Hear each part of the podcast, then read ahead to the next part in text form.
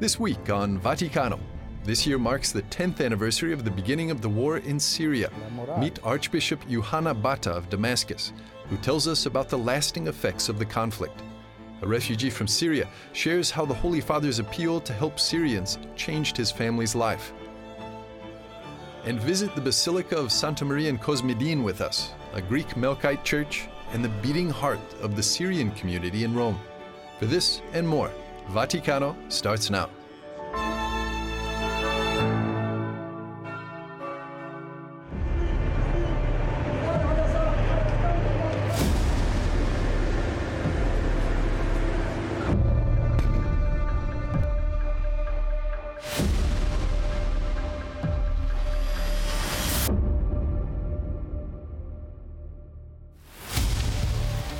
Decades of war and violence have led to a dramatic decrease in the number of Christians in Syria.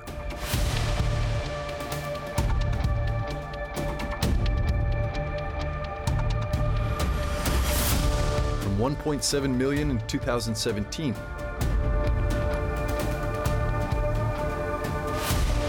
to 677,000 in 2020.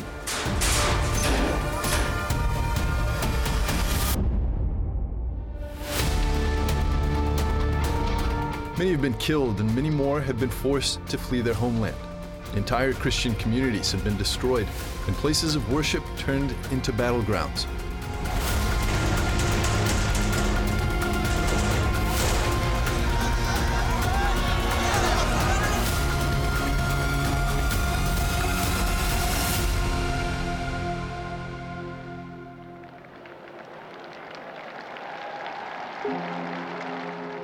Dieci anni fa iniziava il sanguinoso conflitto in. Pope Francis spoke about their plight on the eve of the March 15th anniversary of the Syrian war.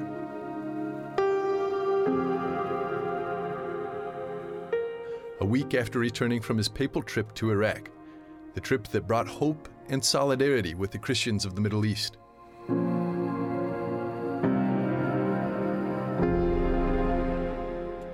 The Pope, together with the Catholic charity organization Aid to the Church in Need, is calling for the US and the EU to lift sanctions that keep aid from reaching Christians in Syria.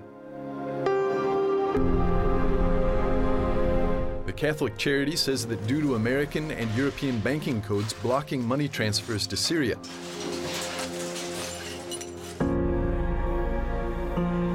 humanitarian relief cannot reach the 14 million Syrian refugees seeking assistance, which is necessary because 8 in 10 people live below the poverty line. Pope Francis is praying for an end to the suffering of Christians in Syria and urging all Catholics to help their brothers and sisters through both prayer and financial support. Preghiamo tutti il Signore Let us all pray to the Lord that so much suffering in beloved and tormented Syria will not be forgotten, and that our solidarity revives hope. I renew my heartfelt appeal to the parties to the conflict that they show signs of goodwill so that a glimmer of hope can open up for the exhausted population. uno squarcio di speranza per la popolazione stremata.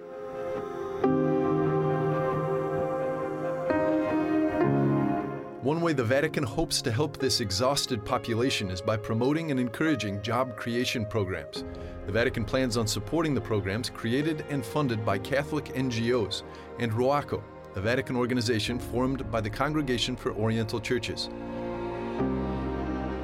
The initiatives are meant to help begin the recovery process both individually and nationally.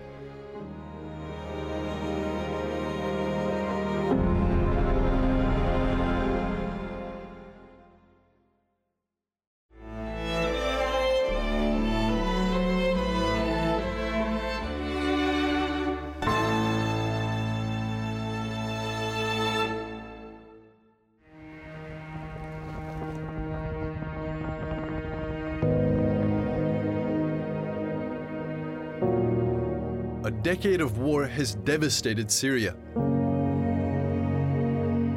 Over 11 million people there currently need humanitarian assistance.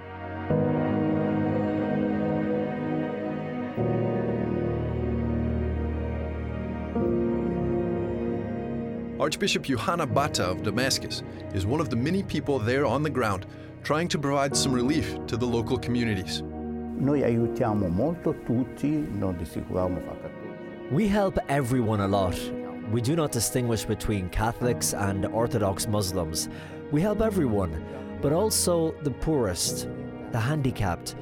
I opened a house 30 years ago called the House of Peace. So I took these words from Pope John Paul II. He said, If you want peace, you have to think about the poorest in the world. Who are the poorest in the world? The mentally handicapped.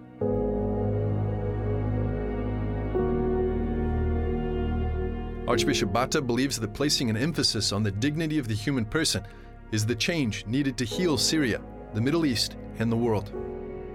Mi interessa di mettere la morale. I, as a religious man, am interested in putting morals. Pay attention, we cannot continue to be like this. We are not saints, but it takes time. Change comes from inside, from the family, from the school. It is important to help Christians to stay in the Middle East. Why? Because the Middle East without Christians will be very dangerous. We can live together with everyone. With Sunnis, Shiites, Turks, even Jews. Christianity can be a bridge for all religions. Per tutte le religioni.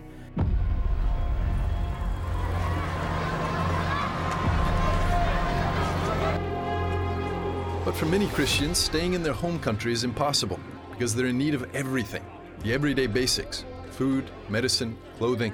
But that's not all they need. They also need to know that someone cares. Pope Francis' trip to Iraq showcased that solidarity for them. His meetings with religious leaders also brought much hope and peace to Christians across the Middle East. Pope Francis also did a World Day of Prayer for Peace. He prayed with fasting for Syria. We thank him. Pope Francis is poor among the poor. He is an incredible father because he loves the poor. He chose the name of Francis. He is a Jesuit and chose the name Francis. Francis was with everyone, even the Muslims. He was open. He wants to open our hearts to everyone. Um, yes, dialogue, which is not a word. Dialogue is to love, and Jesus says, Love even to your enemies, eh, right? Eh, and really, the Pope does that. We love Pope Francis. Noi vogliamo bene al Papa Francesco. The Archbishop says that for Syrian Christians, Pope Francis' visit underscored that despite their challenges, God will never leave them, and with Him, they can overcome even war. Abbiamo Dio, Dio grande. We have God. God is great. God is great for everyone and does not let us lack anything. Jesus says that not only by food does man live, we don't even have the words for the coronavirus. We are strong enough. If you go to Syria, take the energy and courage to start your life again. E il coraggio di ricominciare la tua vita. We return, we'll take you into a radio station answering Pope Francis' call to serve Christians in the Middle East.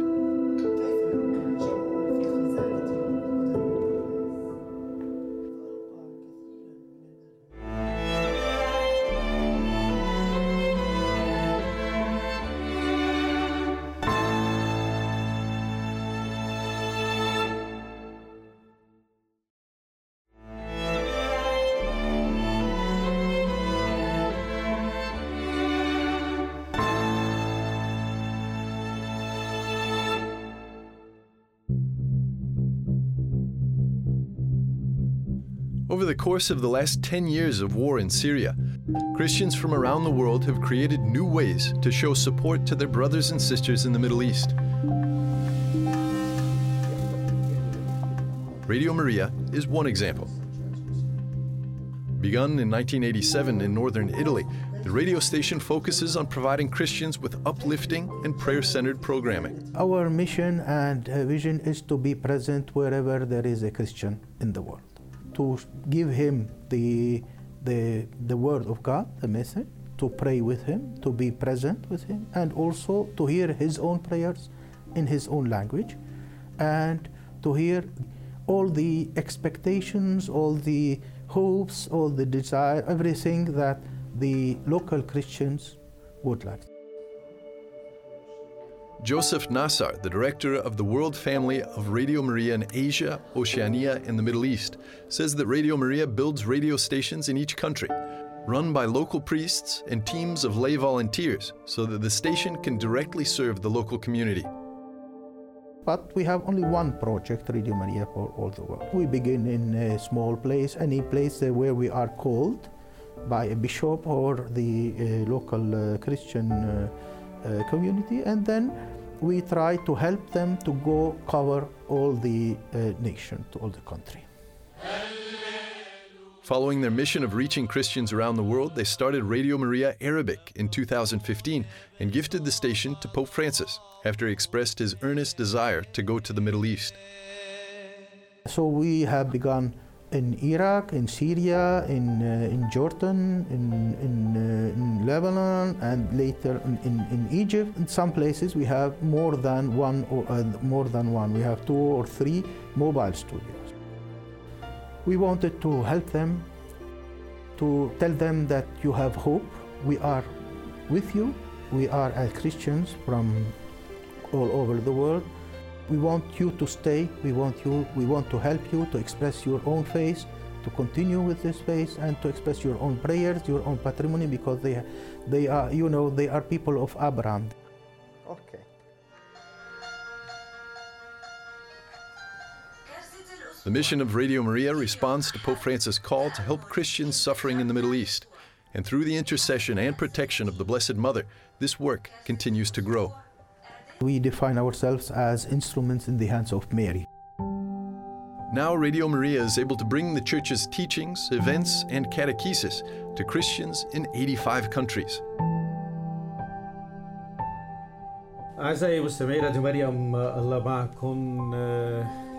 After the break, we speak with Saman Daoud, a Syrian refugee in Rome, whose work at Radio Maria has helped him to heal after the experience of war.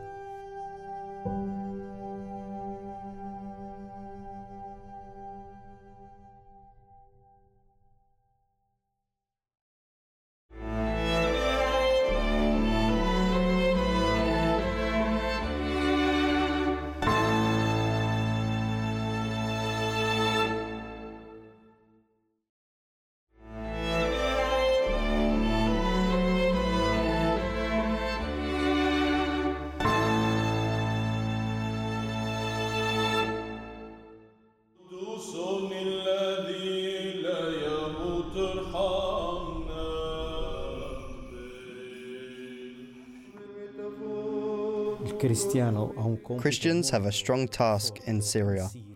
It is to bring peace. Jesus told us to forgive 70 times 7. So if you don't forgive, you are not Christian. Non sei cristiano. Saman Daoud is a Catholic from Syria whose life was upended by war.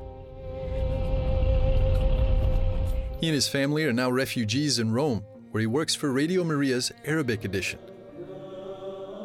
أعزائي مستمعي راديو مريم الله معكم اليوم حابين بس نذكركم ببرامج In Syria, he worked as a tour guide, but that was before 2012, when war arrived quite literally to his front door.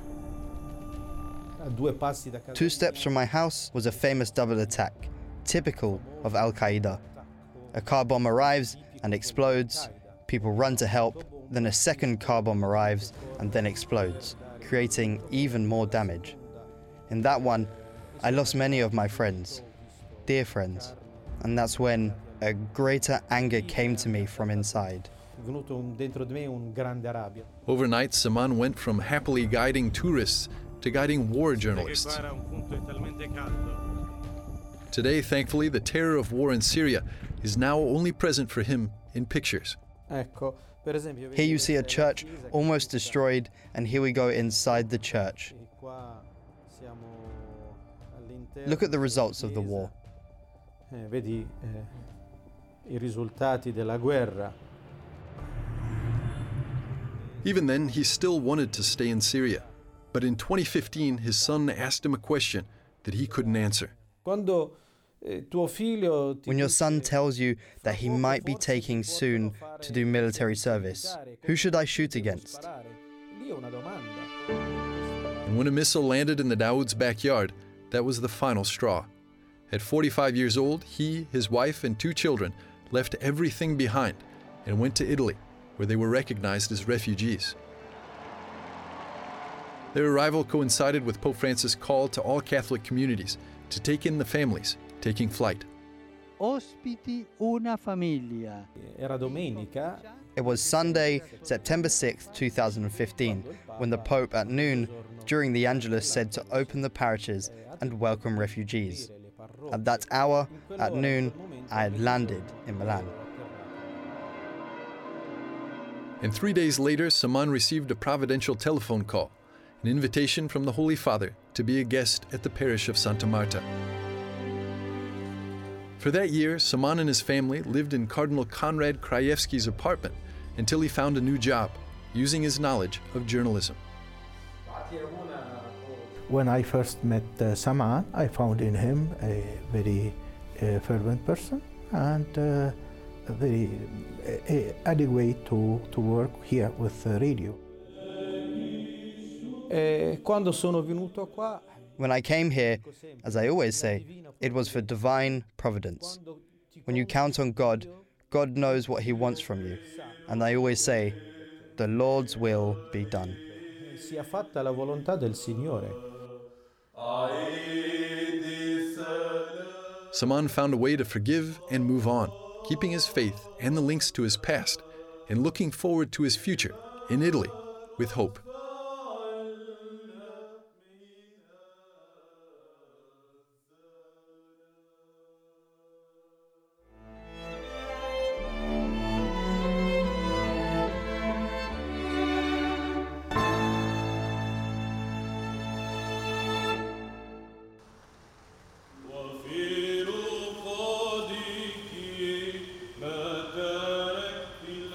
Away behind the famous tourist attraction of the Bocca della Verità, or Mouth of Truth, Rome's Basilica of Santa Maria in Cosmedin, the central church for the city's Greek Melkite Catholics, is unique for more than just its legendary entryway.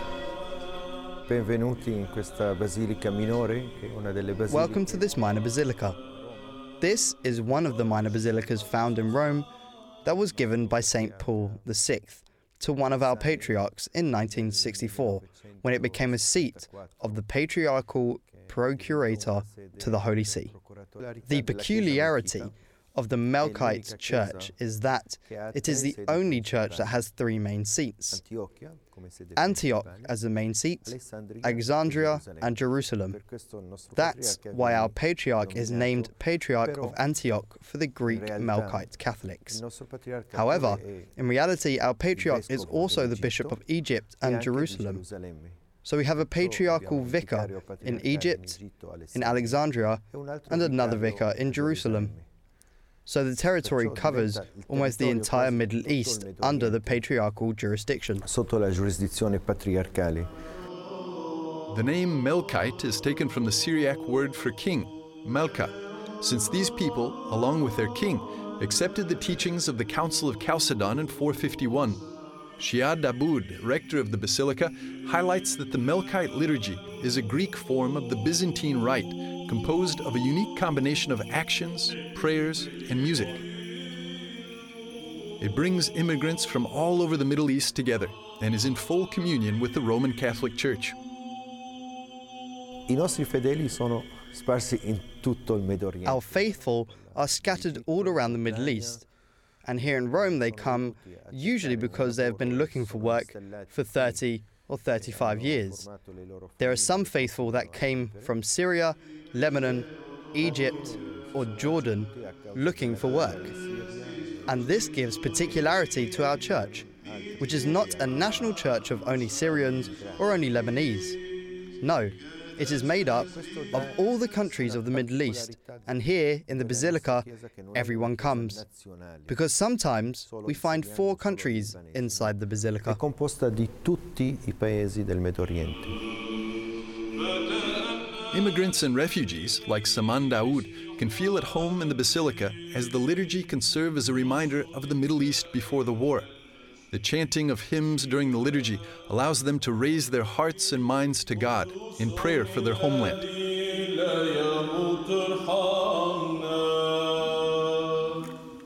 The Greek Melkite rite uses lavish robes and golden decorations to symbolize the meeting point between heaven and earth.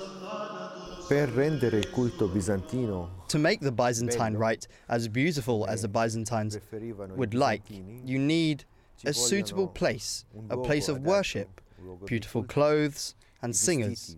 The clothes, you always try to make the most beautiful clothing, because this gives respect in the presence of God to welcome the King of Kings with suitable clothes and in song. The singing sincerely helps so much to elevate the soul. ad elevare l'anima. For the many Middle Eastern immigrants in Rome, celebrating the Greek Melkite liturgy brings them a sense of community without losing touch with their roots. Così riusciamo ad avere So we are able to have all the particularities of our church that preserves the Greek language, not forgetting that the church is scattered throughout all the Arabic countries. And we don't forget that the Italian language where we are, because it is also a form of expanding and evangelizing and helping others to enter into this spiritual mention, according to the Greek tradition. Secondo la tradizione greca. Today, this basilica offers the Greek Melkite Catholic liturgy in three contemporary languages Italian, Greek, and Arabic. The Basilica of Santa Maria in Cosmedin has become a symbol of the unique nature of the fraternity of the Greek Melkite Church.